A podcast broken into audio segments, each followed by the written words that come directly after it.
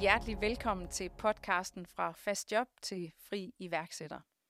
Jeg hedder Henriette Niemann, og i dag vil jeg gerne tage dig igennem processen det her med at træffe modige beslutninger. Mod er ikke noget, vi får, det er noget, vi skaber.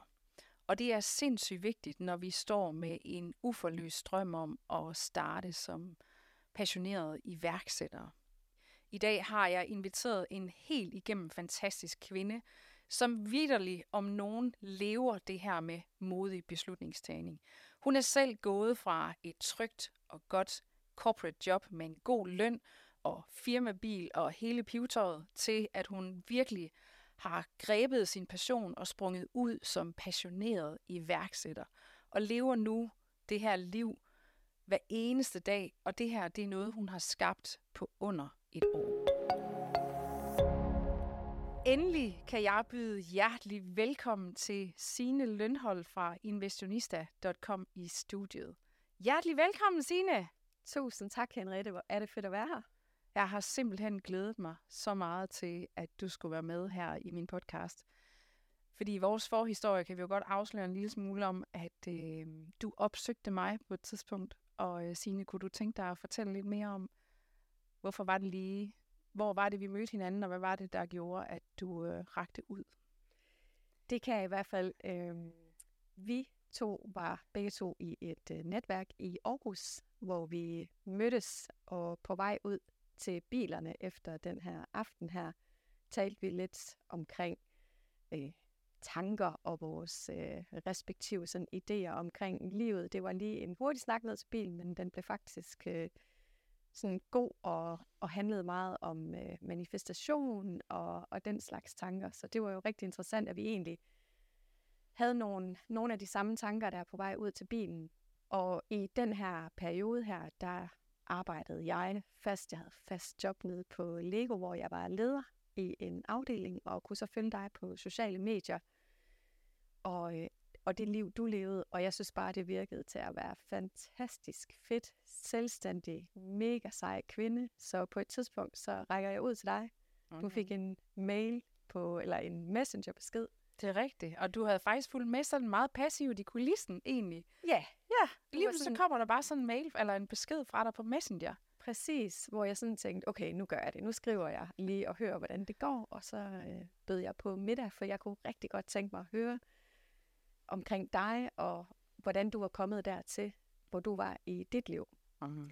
Så, øh, så jeg skrev en besked til dig, og, øh, og så mødtes vi en aften på en skøn restaurant ude i, i Rigskov, og havde en fuldstændig fantastisk samtale derude, som virkelig for, for mit vedkommende ændrede mit liv. Det vidste jeg ikke på daværende tidspunkt, men det viste sig, at den samtale vi kom til at ændre mit liv. Mm.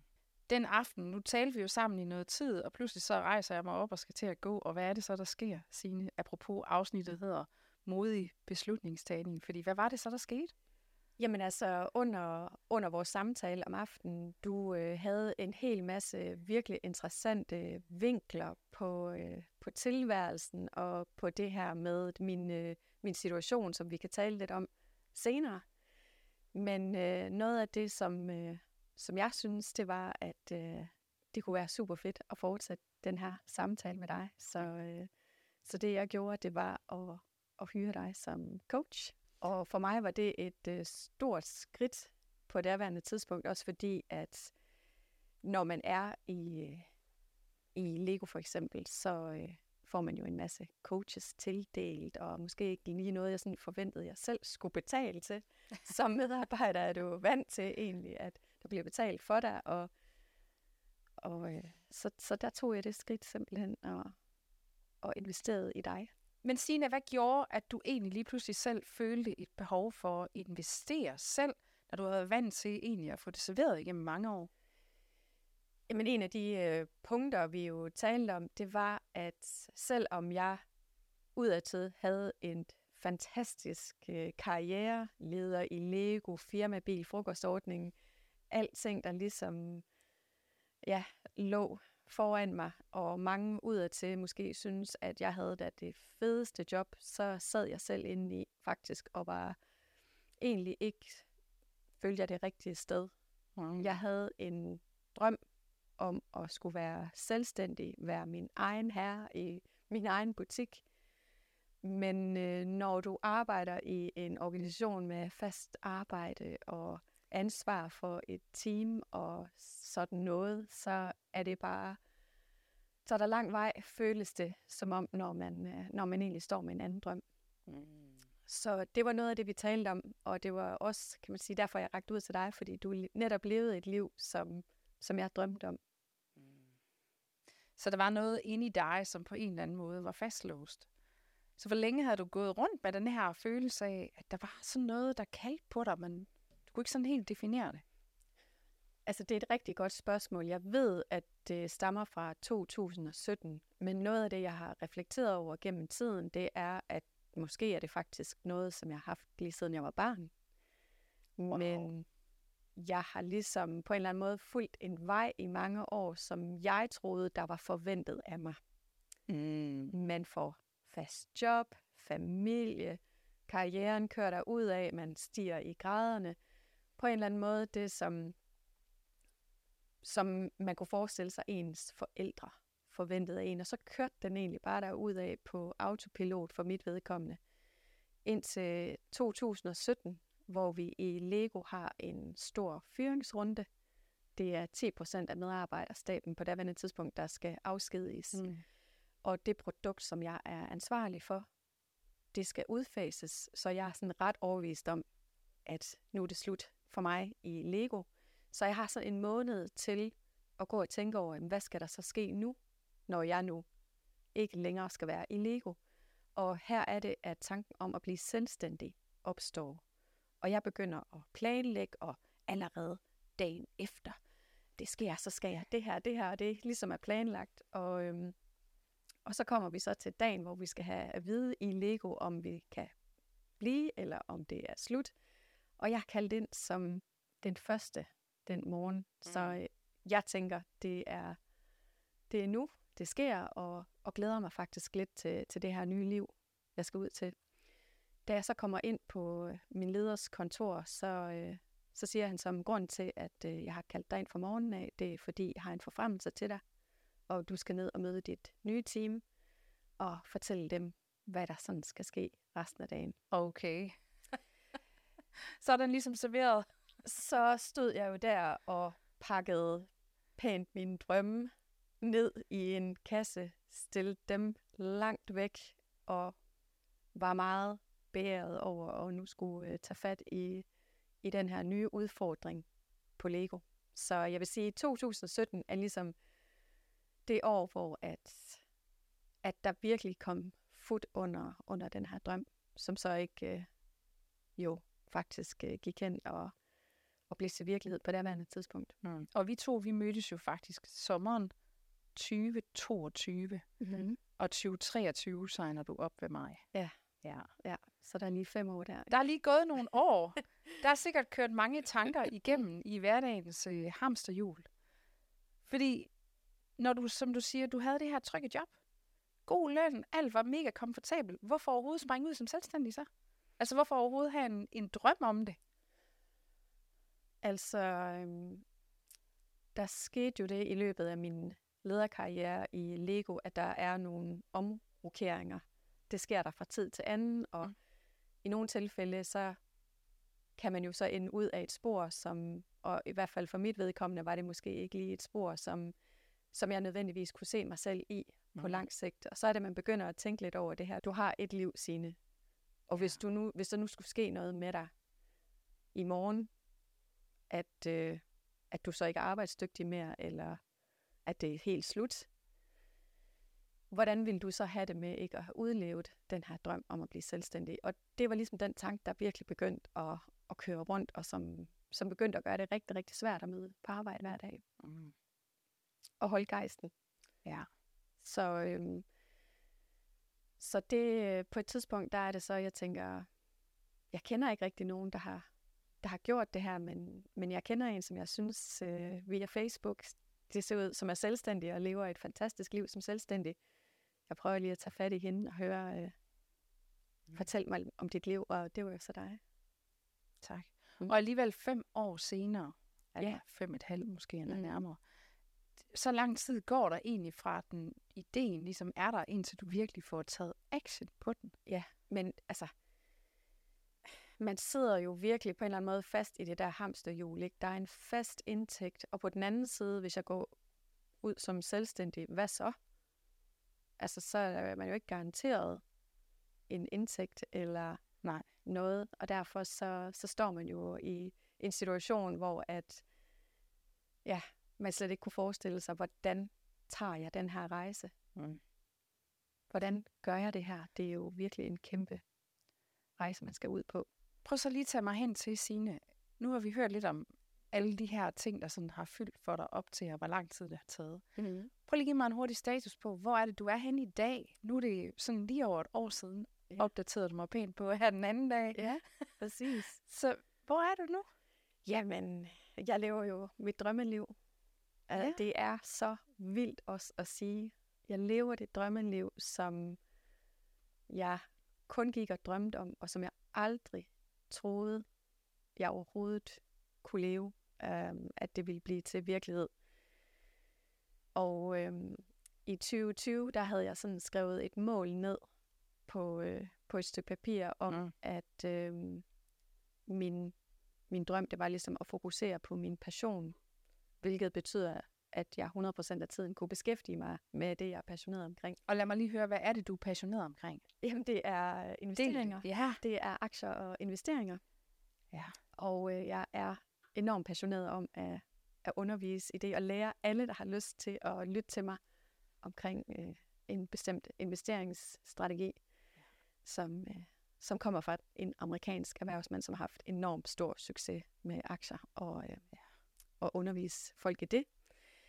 Så hvordan går det? Jamen altså, det går fuldstændig fantastisk. Jeg lever mit drømmeliv. Det er så vildt. Det er sådan, at man lige skal nive sig selv i armen. Det går godt.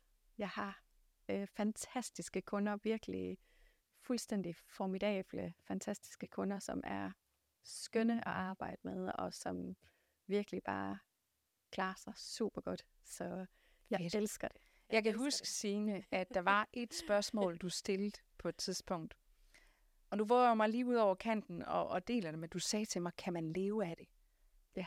Tror du, man kan le- tror du, jeg kan leve af det her? Ja. Jeg sagde, kan du tænke det? Kan du gøre det? Vi kan godt sidde og tænke, jamen, kan vi overhovedet leve af og, altså den her business, den her passion? Der var en gang, dengang jeg gik rundt og tænkte, kan jeg overhovedet leve af at være coach? At, altså, der, der var en mand, der sagde til mig en gang, jeg mødte ham for første gang, så siger han til mig, er du coach? Er der ikke så mange af jer, man kan fodre svin med jer? Det var virkelig sådan, han sagde. Og hvis jeg havde et den begrænsende overbevisning, så havde der aldrig nogensinde været her i dag. Og det handler om, det kan da godt være, at der er mange derude, der lærer nogen noget om investering. Det kan godt være, at der er mange coaches. Hvad end det er, du drømmer om at lave, det handler ikke om, hvor mange der er, men det handler om, at der er kun en af dig. Ja. Altså, og du er jo hele den pakke, som man får, som er så unik ved dig. Altså, Præcis, og jeg vil også sige, at, at da, jeg, da vi talte om det, kunne jeg da absolut heller ikke have forestillet mig på nogen måde, at jeg vil leve det liv, som jeg lever i dag. Altså det er virkelig, det jeg drømte om, der er virkeligheden endnu bedre. Altså jeg er enormt taknemmelig og glad for, at jeg tog springet, og, og det er gået mig rigtig, rigtig godt, og jeg kan se tilbage på uh, at være stolt over uh, den beslutning, jeg tog, fordi det var bestemt ikke en nem beslutning at træffe beslutningen om, at nu lukker man døren til et liv i det pulserende erhvervsliv og springer ud over kanten og bevæger sig ud på, på noget nyt, uden sikkerhedsnet. uden sikkerhedsnet. Ja. Og hvis jeg havde vidst, at det ville udarte sig sådan her, så kunne jeg have gjort noget før. Men hvis der sidder nogen derude og måske sådan tænker, åh, oh, jeg drømmer om det, Sine har, så kan jeg kun sige, at altså, jeg ved, det er svært, men gør det. Mm. Bevæg dig ud i det. Altså, do it. Og Signe, lige præcis det, du siger der, det leder mig til dagens næste segment, som er dagens mantra. Det er lige præcis det her med, jeg møder så mange mennesker, der siger, Henriette, jeg har ikke mod til det. Jamen, kære ven, mod, det er ikke noget, du får. Det er noget, vi skaber. Det er noget, vi skaber ved at gøre det, vi ikke tør alligevel. Altså, det er så vigtigt, at vi træffer vores beslutninger, om vi træffer dem fra frygt, eller om vi træffer dem på tillid til, hvad vi absolut vil elske. Og det er jo lige præcis det der, når vi kommer med den energi. 100 procent. Og det du siger her, jeg synes, der er vigtigt, det er, kommer jeg fra frygt, eller kommer jeg fra tillid? Og det er jo også nogle af de ting, som, som jeg også har lært hos dig, men det er virkelig et spørgsmål, som der ofte er op og vende. Som selvstændig er der jo mange nye beslutninger, og mm. mange veje, man kan gå, og det er det her med at, at tænke, kommer jeg fra frygten lige nu, eller kommer jeg fra tillid? Kan jeg komme over i, hvor jeg har en energi af tillid, mm. i stedet for at, ligesom at være og sidde fast her i frygten? Og det er virkelig det er et spørgsmål, som ikke kun kan bruges i forbindelse med, at man skal forlade mm. sit arbejde, men faktisk generelt et spørgsmål over for mange af livets dilemmaer, man virkelig lige kan gå i dybden med. Hvad ville jeg gøre, hvis jeg havde tillid? Lige præcis. Og en ekstra ting, jeg nogle gange putter på, det er også, hvad vil kærlighed gøre? Kærlighed til mig selv lige nu, hvad vil det gøre?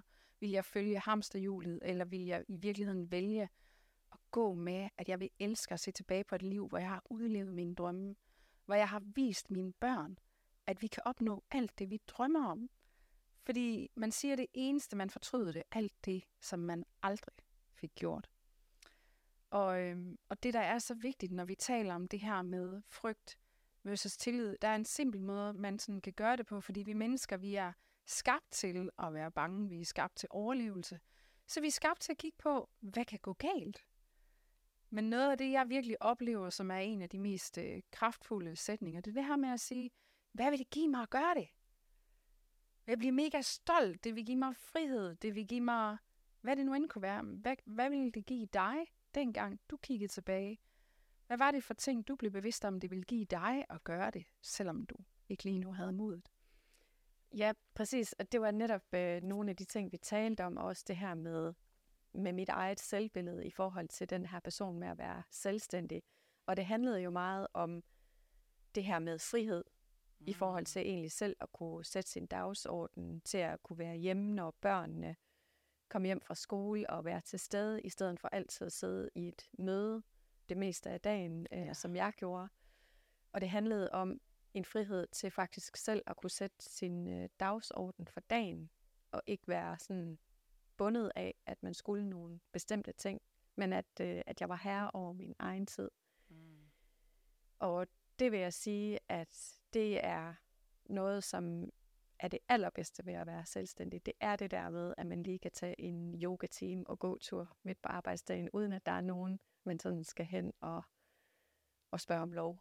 Og lige præcis, den, den, den lavede jeg et post om i går, fordi vi fik bare det mest magiske solskin i går.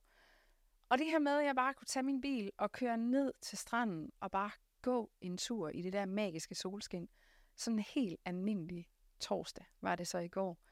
Øhm, og jeg, jeg var bare så taknemmelig for, jeg skulle ikke spørge nogen om lov. Det her med at, at vælge selv hver eneste dag. Mm. Og tilfældigvis, og det er jo ikke tilfældigt, ved jeg, men jeg havde fået aflyst et møde i går. Og øh, jeg tror ikke på, at der er noget, der er tilfældigt. Så jeg er sikker på, at det var fordi, jeg skulle ud og have muligheden for det her pusterum og det her øh, fuldstændig magiske solskinsvær, når vi har været igennem så lang tid, hvor der har været så mørkt. Så det giver os en mulighed for at gribe livets øjeblikke her og nu, hver dag. Helt sikkert. Absolut. Og kunne tage og egentlig at, at lave andre planer. Altså, jeg havde det samme i går med faktisk en dag, hvor jeg bare kunne mærke, at jeg har brug for en dag, som handler om mig, hvor jeg kan sidde og skrive dagbog og reflektere og nyde lige at, at tage en, et pusterum og så har jeg jo sådan nogle opgaver, der måske skal løses på et senere tidspunkt. Men det der med at være meget fleksibel i forhold til, hvad jeg egentlig ønsker at gøre, uden at skulle spørge nogen om lov, bare kunne gøre, kan gøre det, være væk fra min arbejdsplads, når jeg har lyst til det. Og i øvrigt det her med at sidde, hvor jeg har lyst til. Altså nu har vi været på ferie i Ægypten for nylig med familien, hvor at jeg har arbejdet fra Ægypten og har flere gange også sådan været rundt og, og siddet lidt forskellige steder for ligesom at, at komme lidt ud og være i de energier, som, som man kan få af at sidde andre steder. Og det er jo også bare en af de ting, der er så skønt ved at være selvstændig, det er, at man vælger selv, hvem man omgiver sig med i sit arbejdsliv. Ja. Man vælger selv, hvor man kan sidde henne, og hvornår og hvor man gør det. Præcis, og nu er du en af dem, der ligesom jeg også driver en stor del af din, eller du driver måske i virkeligheden hele din forretning online. Jeg driver nok 80% online, men det betyder også, at vi har en frihed til at kan være fuldstændig, hvor vi er, når vi har, altså, når vi har lyst til det.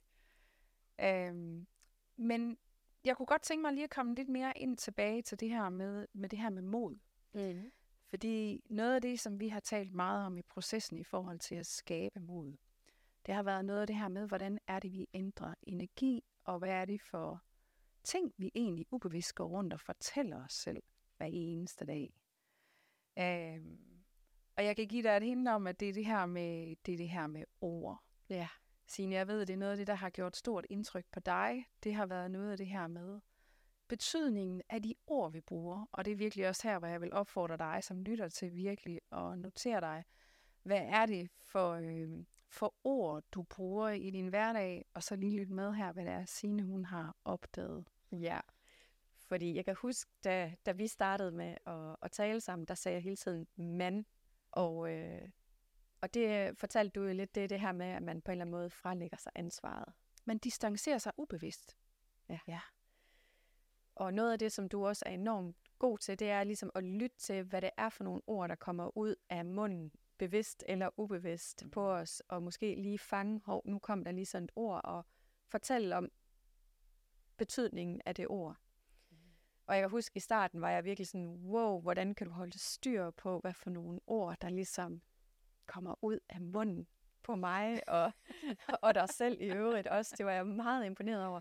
Og der har jeg så også fundet ud af selv, at jeg er blevet meget bedre til at sige jeg i stedet for mand, når det handler om mig. Og der er visse ord, som jeg ikke bruger, netop fordi, at det ændrer energien. Og det er faktisk det samme i forhold til mine tanker. Ja, fordi tanker skaber jo ting. Altså det, vi går rundt og tænker, det, det er det, vi får forstået på den måde, at hvis øh, du forestiller dig, at du står nede i et fitnesscenter, og du fortæller dig selv, det er mega hårdt, det jeg skal lave nu. Det er svært, det her, det kan jeg ikke finde ud af. Så ved vi alle sammen, at så bliver det svært, så bliver det hårdt, og så er det næsten dømt til at mislykkes på forhånd. Så noget af det, som jeg er super optaget af, det er det her med, hvad er det for ord, vi siger? Og når du fortæller det her med, men øh, du kom til at sige mand, og det vil jeg bare sige, det tror jeg øh, alle mine kunder har gjort. Øh, og i øvrigt, når jeg siger det her med kunder og ikke klienter, så er det faktisk også et bevidst valg. Fordi de fleste steder ved en coach eller en terapeut eller noget andet, så, så er man en klient. Men det er der også energi i. Så derfor er det sindssygt vigtigt, at man er kunde. Det er et ligeværdigt samarbejde. Vi sætter os ned i den samme robåd, tager hver sin år, og så sætter vi en fælles kurs, og så er det min opgave som coach at hjælpe dig til at holde retningen som kunde. Men man skal ikke være klient, fordi det er en i situationstegn en med til at at lave energien sådan ubalanceret, så man er på en eller anden måde, øh, så man allerede sat lidt bagefter. Man kan blive lidt sygeliggjort, eller ja, altså hvis man nu også kommer småstresset eller andre ting, så kan man føle, puh, jeg, jeg, jeg handler allerede bagefter. Så energien, den skal være lige, så det er et samarbejde. Og når du så siger det her med mand, ja, det er jo ikke usædvanligt, at langt de fleste mennesker siger mand. Og det handler i virkeligheden om, at vi går rundt ubevidst og distancerer os.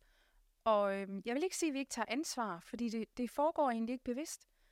Men vi har lært, at vi bare skal være en del af flokken. Vi skal bare blende ind, og vi må ikke være for meget. Vi må ikke tro, vi er noget. Og altså, vi er ikke sådan noget særligt. Men det, der faktisk er min vigtigste opgave at lære dig, både dig, Signe, men også til dig, kære lytter, det er, at du er noget særligt. Du er det eneste menneske på den her jord, som går rundt med lige præcis din livshistorie. Der er ingen andre, som går rundt med præcis den livserfaring, du har. Og uanset hvad job du har af titel og alt muligt andet, så har du helt sikkert noget helt unikt fra dit liv, som du kan gå ud og lære andre. Som du kan gå ud og vise andre vejen til. Og det handler ikke om, hvilken uddannelse du har. Det handler ikke om, hvor mange certifikater du har. Men det handler om, at du helt sikkert er kommet igennem en smerte, en kamp, et eller andet i dit liv, som gør, at du har et helt unikt potentiale. Så du er unik, og du skal sige jeg. Det er din, det er din allervigtigste opgave. Men jeg ved, det var, og nu siger jeg ordet meget bevidst, men jeg ved, at det var grænseoverskridende, Signe. sagt det siger med, vi jo ikke. sagt med et glimt i øjet, grænseoverskridende. Fordi hvor tit hører vi ikke os selv sige det ord? Ja, det var i hvert fald et ord, som jeg brugte konstant på det tidspunkt. Ja. Det var jo grænseoverskridende at forlade mm. ja, ja, grænseoverskridende, grænseoverskridende, grænseoverskridende. Ja. Og der måtte du jo flere gange lige ind på, om jeg kunne bruge ordet grænseudvidende mm-hmm. i stedet for. Ja. Og det er jo et af de ord, jeg så har taget til mig mm. og bruger i stedet for at være grænseoverskridende. Ja, du kan høre, at jeg har helt svært ved at nærmest at sige ordet nu. for jeg vil rigtig gerne sige grænseudvidende, fordi det udvider vores perspektiv. Hvad, hvad har vi mulighed for at lære i det her? Ja, det er jo faktisk også et bevidst valg, du selv har taget. Når vi selv træffer et bevidst valg om, wow, jamen jeg, jeg drømmer virkelig om, nu følger jeg min drøm, jeg vil gerne være selvstændig. Jamen så er der ikke nogen, der har overskrevet en af dine grænser, så er det et valg, du selv har taget. Igen, hent ansvaret hjem til dig selv og sige, jeg, jeg har valgt det her, fordi jeg er passioneret. Og det er vildt grænseudvidende. Fordi du lærer en hel masse. Og øh, der er en hel masse positiv energi i det, og du er på dit livs eventyr. Absolut. Og der vil jeg sige, også i forhold til tanker, altså nu taler om de, vi meget om de her ord, der kommer ud af munden. Mm. Men jeg kan også sige, at mine egne tanker i forhold til, sådan som mine tanker var for et års tid siden, mm. og hvordan de er i dag, altså jeg plejede virkelig at køre hårdt på mig, inde i mig, og skælde mig ud rigtig meget. Specielt i forhold til, oh, nu fik du ikke lige hentet børnene, og oh, nu nåede du ikke det der. Og der var simpelthen så mange tanker omkring alt, hvad jeg ikke kunne, og ikke gjorde, og, ikke, og mm. ting, jeg burde gøre, og ba, ba, ba. Og der vil jeg sige, at de tanker har jeg slet ikke længere. Det er meget sjældent, at der kommer sådan en tanke op, hvor jeg er enormt selvkritisk og burde og jeg ved det lige med det samme. Også mm. i øvrigt, hvor tidligere jeg anede ikke det bånd, der ligesom kørte derinde, at ja. det bare kørte derud af. Hvor at nu så bliver jeg ret hurtigt bevidst om, hov, hvad sker der lige derinde ja. øh, nu? Og Signe, prøv at være i tillid til, at det var det her, der skulle ske i forhold til, hvis man er forsinket, eller hvis tingene ikke lige gik, som, som man skulle, og, ja. som jeg ligesom havde planlagt, og derfor lige pludselig er blevet forsinket, eller hvad ved jeg. Det, jeg, jeg gjorde ikke det, jeg egentlig havde planlagt, at jeg skulle. Nej. Og så i stedet for at, at slå mig selv oven i hovedet, jamen så øh, lader jeg være med faktisk at have noget, der egentlig ikke, jeg ikke kunne have påvirket til faktisk at, at slå mig selv oven i hovedet med, mm. øh, som jeg gjorde tidligere i høj grad. Så vælger du i stedet for at være selvkærlig? Ja, absolut. Så snart at jeg bliver bevidst om, hov, nu kører den, så vælger jeg lige en anden strategi i forhold til, hvad jeg skal tænke over. Det, altså, ja. for et år siden, det, det er så vildt faktisk, vi sidder og taler om det, fordi at, at derfra, hvor jeg var, og så der, hvor jeg er i dag, der er virkelig en kæmpe forskel, og jeg havde måske ikke forventet, at jeg kunne være der allerede nu. Og der var faktisk en, en, en simpel øvelse, vi brugte dengang. Det var den her tankecirkel. Altså, og, og det er det her med, hvis du forestiller dig, at du har en cirkel foran dig, øh, Lidt ligesom et ur, så op i nummer 12, eller op i klokken 12, der skriver du, at det, det er en tanke. Jamen, hvad skaber det for en følelse, skriver vi nede ved klokken 3, ikke? Og så det skaber en handling nede ved klokken 6. Så det ligesom er sådan en lavkage, vi deler op i fire. Og så over ved klokken 9, så skriver vi, jamen det skaber et resultat. Altså tanke, følelse, handling, resultat. Tanker skaber følelser, følelser skaber handlinger, handlinger skaber resultater.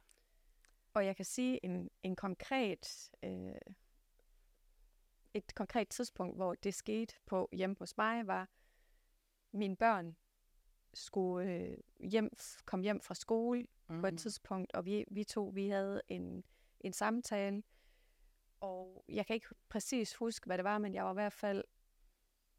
Der var øh, sket et eller andet sådan, at jeg ikke sådan var super optimistisk omkring mm. det her med, at de skulle komme hjem. Jeg var lidt nervøs i forhold til, hvad udfaldet ville være. Jeg tænkte, der ville være nogle skænderier eller noget. Og der var det netop, at vi fik mig ud af den tankebane, og i stedet for, at jeg skulle prøve at beskrive, hvad er det, hvad er det egentlig, der sker, når de kommer hjem? Ja. Jamen, så hygger vi os, og så skal vi lige sidde og måske have lidt, og, øh, lidt kakao og drikke, og hygge lidt, og spille et spil. Og Ja. så fik vi ligesom talt situationen et andet sted hen end min Mm. forventning. Og hvad skete der så, da mine børn kom hjem? Vi havde det mega hyggeligt. Ja. Og hvor vi også talte om den her energi, at forskellen var også, at de jo kunne mærke på mig, Mm. da de kom hjem. Ej, jeg glædede mig til, at de kom hjem. Hvis vi ikke ligesom var gået igennem den øvelse, så når at de var kommet hjem, så havde de jo kunne mærke på mig. Og det Mor er presset. Mor er presset. Ja. Mor er presset. Åh, oh, oh. Og så sker der bare lidt i hele energien. Og i stedet for, så kom de jo bare hjem til en, som bare var i høj energi, og det var mig. Så, øh, så ja, det er en fantastisk øvelse, som man lige kan, kan lave den det tanke. Og det er så vigtigt at have for øje, hvad er det, vi går rundt og tænker. Igen til, at tanker skaber ting. Tanker skaber følelser, handlinger og resultater. Det leder mig til øh, dagens næste segment. Ja. Hvor jeg rigtig gerne vil introducere jer for endnu en super simpel, men meget konkret øvelse. Og det er egentlig en, som man kan bruge. Vi har været lidt omkring den, men jeg vil godt give den lidt mere specifik, så du kan notere den ned som lytter. Virkelig notere dig i alle de valg, du står foran i dit liv. Så i stedet for at kigge på, uh, det er farligt, det tør jeg ikke, det er, jeg får lyst til at, at øh, lade være, eller ja, hvad kunne det egentlig være ellers for begrænsende overbevisning, Signe? Har du nogen sådan lige, du, du kunne se for dig, som kunne være grunden til, at du ikke ville gøre? Jamen, der er helt klart den der med, at jeg er ikke god nok. Åh, oh, ja. Jeg er ikke god nok. Jeg, jeg Den har altid glemt. været i det pulserende erhvervsliv, det der med selvstændig. Ja. Jeg er ikke god nok, jeg kan ikke finde ud af det, hvor at Mm.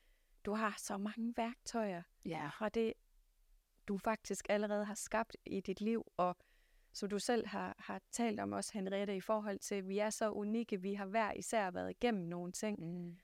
og det kan vi putte i vores lille værktøjskasse i forhold til at kunne bruge på den anden side også. Og der bruger jeg da en masse af de værktøjer, som jeg har lært gennem mit liv som, øh, som værende i fast job og pulserende erhvervsliv. Så Mm. Jeg vil helt klart sige, ja, det var en af de begrænsende overbevisninger, jeg havde. Ja. Det var bestemt det der med, at jeg er ikke god nok. Oh, den, og, og jeg havde næsten glemt den, at det, men det er jo vidderligt en kæmpe begrænsende overbevisning, og der har jeg i den grad også været. Men prøv en gang at spørge dig selv, hvad vil det give dig at gøre det? Og hvad vil det give dig ikke at gøre det? I stedet for at kigge på, hvad vil det koste mig at gøre det? Det er så vigtigt igen tilbage til energien i ord, energien i sætninger. Kig på, hvad vil det give dig at gøre det her. Tag på dit livs eventyr. Hvad det nu end er. Det er virkelig mit øh, konkrete redskab til dig, som lytter i dag. Signe, nu kan det jo godt udefra se sindssygt nemt ud, det der med, "Nå, men nu er du bare her et år senere, og nu er du bare øh, mega succesfuld, og det hele går bare mega godt. Men noget af det, vi jo også har talt meget om, det er, øh, jeg kan huske, du sagde på et tidspunkt, hvad skal der til for på en eller anden måde at få succes? Og det, jeg plejer at sige, det er, at altså, succes, det er jo heller ikke noget, vi får, det, det er noget, vi skaber. Men hvis vi kigger ud i verden på de meget succesfulde mennesker, så er det jo ikke fordi, de succesfulde mennesker ikke har nogen problemer. De har i den grad også rigtig mange udfordringer for lige at vende det her problem til en udfordring. Men det, der er i det, det er, at succesfulde mennesker, de har ikke mindre problemer eller udfordringer end os andre. Men det handler om, at de er meget, meget hurtige til at eliminere dem. Og det tager os tilbage til dagens tema om det her med at træffe modige beslutninger. Det hænger i den grad også sammen med at træffe hurtige beslutninger. Fordi meget succesfulde mennesker, de træffer meget hurtige beslutninger, og de ser sig meget sjældent tilbage. Og hvis de oplever, at de falder på vejen, så rejser de sig op og børster støvet af sig, kommer videre med det samme. De bruger ikke tid på at slå sig selv oven i hovedet. Og det ved jeg, det er noget af det, du i den grad også er blevet super skarp til her i løbet af det sidste års tid. Det er virkelig at træffe beslutninger. Så hvilke beslutninger har du virkelig været nødt til at træffe rigtig hurtigt her det sidste års tid? Altså, der har jo været det her med, om, om jeg skulle blive, eller om jeg skulle forlade, som virkelig var en kæmpe beslutning mm-hmm. på daværende tidspunkt.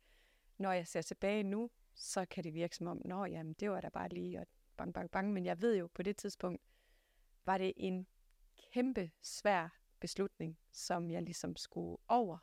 Ja. Og jeg tror også, at noget af det, som jeg har reflekteret over, det er jo også det her med, at, om man skal gå vejen alene, eller om man skal tage den her vej sammen med en. Jeg er jo utrolig taknemmelig for, at jeg havde dig og vende mine øh, tanker og perspektiver med i den her beslutningsproces. Mm. Det var mig, der traf beslutningen, men jeg fik en masse gode værktøjer til at kunne træffe den beslutning fra dig. Og der er det jo også, at der måske er mange, som vælger at gå vejen selv, og det behøves vi jo ikke at gøre. Man skal jo ikke nødvendigvis gå vejen selv. Vi skal jo ikke nødvendigvis gøre alting selv. Det kræver jo nogle gange, at vi har nogen med på sidelinjen til at hæppe på os, eller stille spørgsmål, om det er en coach, eller om det er hjemmefra. Det er jo mm. meget forskelligt, hvad det er, vi har behov for, men for mit eget vedkommende var det i hvert fald en vigtig del af ikke at gå vejen selv, mm. men og i det her tilfælde havde jeg dig på sidelinjen, og det er jeg enormt taknemmelig over, fordi at vi netop kunne vende mange af de tanker, mm. jeg havde, og mange af de spørgsmål, som jeg stillede mig selv på det her tidspunkt. Og det er det der med, ligesom vi ikke kan kilde os selv, du kan lige prøve, kære lytter, og kilde dig selv på underarmen og prøve at mærke efter. Hvis du så har en, en, en nær dig, som lige kan prøve at kilde os, så kan du mærke, at der er kæmpe stor forskel. Ligesom vi ikke kan kilde os selv, så kan vi heller ikke spørge os selv. Og jeg kan i hvert fald også dele, at jeg for seks år siden sad og troede, at jeg skulle bare opfinde en dyb tallerken selv, og jeg skulle bare fikse det hele selv. Og da jeg lærte, at vi skal gøre det selv, men ingen kan gøre det alene. Jeg har nærmest ikke kigget mig tilbage siden, og går ingen vegne uden konstant at have en mentor på sidelinjen. Fordi vi kan ikke spørge os selv, ligesom vi ikke kan kilde os selv. Og hvis vi kunne, så havde vi jo allerede gjort det. Så det er hele tiden det her med at, at ture og lade os udfordre. Ture og lade os kigge på tingene fra en ny vinkel. Og det er også derfor, jeg inviterer dig til at kigge på, hvad vil det give dig at gøre det? Hvad vil det give dig ikke at gøre det? Det er faktisk et af de spørgsmål, jeg stiller mine kunder aller oftest. Fordi jeg ruller aldrig en rød løber ud og siger, du skal gå den her vej. Det handler nemlig om, at du har allerede svarene inde i dig. Præcis, og jeg vil også sige, at det er et af de spørgsmål i forhold til at kunne træffe en hurtig beslutning, mm-hmm. som man netop kan stille sig selv. Det er det her, for det første, kommer jeg fra frygt, eller kommer jeg fra tillid? Det er et spørgsmål, som du kan stille dig selv for at træffe den her hurtige beslutning. Mm. Eller også er det det her med, jamen hvad vil det give mig? Og tænk over, skrive ned og forestille sig den her fremtid, ja. som der venter, når at du har truffet beslutningen. Og når du siger det her med fremtiden, ja. så er der også det her med, jeg plejer altid at sige, den person, den version af dig, som er i mål med det, du drømmer om, hvilken beslutning vil han eller hun tage? Ja. Og så har man altså svaret. Fordi det handler om, at vi skal træffe beslutningen fra at være i mål, for at komme i mål. Vi er nødt til at begynde at være den person, der er i mål. Den person, der træffer beslutninger lige så hurtigt. Fordi vi kan ikke komme i mål med det, vi drømmer om, hvis ikke vi er i stand til at træffe hurtige beslutninger. Så Præcis. Ja. Jeg vil også sige, det er også noget med, at hvis man ligesom kan annoncere det over for nogen, at man har truffet den beslutning. Åh oh, ja, commitment. Ja. Men, men der er jo en, en meget vigtig øh, ting i den der sætning, du siger der, om, om vi skal commit os til nogen, fordi det er faktisk vanvittigt vigtigt, hvem du, kære lytter, deler dine drømme med. Del aldrig, og det er virkelig vigtigt, du øh, lytter efter det her, del aldrig dine drømme med nogen, som du ikke er 110% sikker på vil hæppe på dig. Det handler ikke om, at de ikke, at de ikke nødvendigvis tror på dig, men det handler om, at de ikke tror på dem selv, og de måske ikke selv har de drømme. Det handler om, at de måske selv sidder i det sikre job med en god pension og firmabil og hele bivtøjet, og aldrig nogensinde har haft en drøm om at blive selvstændig. Helt sikkert. Og hvis du så kommer og siger, jeg har drømmer om at blive selvstændig, og nu springer jeg ud, nu gør jeg det, nu committer jeg mig til det, så vil de gøre alt, hvad de kan for det kærligste sted i dem, i den allerbedste intention, for at du bliver i dit job, at du bliver hængende med den der faste, trygge løn og din pension og firmabiler. Jamen, du, har, du, du har jo det hele, ikke, Signe? Jo, 100 procent. jeg kan så meget genkende det, fordi igennem tiden er der jo så mange, der har sagt til mig, nej, hvordan kunne du gøre det? Og man kan se på dem, de synes simpelthen, jeg er toskedum i forhold til den beslutning, jeg har truffet. Ja. Og det kan man så sige, det jeg mig ikke påvirke af, fordi... Nej, nu? Nu, nej, præcis, men dengang kunne det da bestemt være med til at fastholde mig i at den beslutning, og i øvrigt også det der med, hvis man ikke lige kender nogen andre, mm. der har gjort det, og hvis der sidder nogen derude og ikke kender andre, så brug mig som eksempel. Altså, det er meget velkommen til, mm. i forhold til, at der var en, der gjorde det, og, og tænk over det. Men det er helt rigtigt, at de her beslutninger, det er ikke alle, du kan involvere dem. Det er dit heppekor, det er dem, der tror på dig. Og det er faktisk en af de vigtigste grunde til altid at alliere sig med en mentor, som har de resultater, man gerne vil have. Øh, altså, det har virkelig været noget af det helt ultimative, også for mig på min egen rejse, at jeg har haft mentorer, som har vist mig, at der findes også, har du set, du kan, du kan jo meget mere, end det du gør lige nu. Det er blandt andet også derfor, jeg sidder og laver for eksempel den her podcast. Det er også derfor, jeg under corona lærte at, at gå online, selvom jeg aldrig nogensinde havde troet, at jeg skulle sidde der foran en skærm og have online sessioner med mennesker fra hele Danmark, og sågar nogle gange har de også siddet ude i den store verden, ikke? Så hvor du er lige nu, siger intet om, hvor du kan være i næste uge, næste måned, næste år. Men alting handler om, at du tager et første skridt. Du tager en beslutning fra, hvad det vil give dig. Af hensyn til det her med at træffe hurtige beslutninger, så handler det om, at man begynder at træne sit ubevidste sind til at være i det ukomfortable. Og til det, der har jeg et sindssygt simpelt værktøj, som jeg vil våge den påstand, alle mennesker kan gøre det her. Ja, det er ukomfortabelt, men det handler i virkeligheden om, at vi har alle sammen en bruser. Så når vi står under bruseren i det her dejlige varme vand, om morgenen eller om aftenen, hvornår inde på dagen du bader, så skal du træne dig selv til at skrue på termostaten. Fordi du har taget en hurtig beslutning om, at du ved, det her vil til dels gøre det lettere for dig at træffe beslutninger fremover, men det vil i den grad også gøre, at du får øjeblikkelig fornyet energi. Du kommer til at føle dig sprudlende bagefter. Det øger din kreativitet og din vitalitet.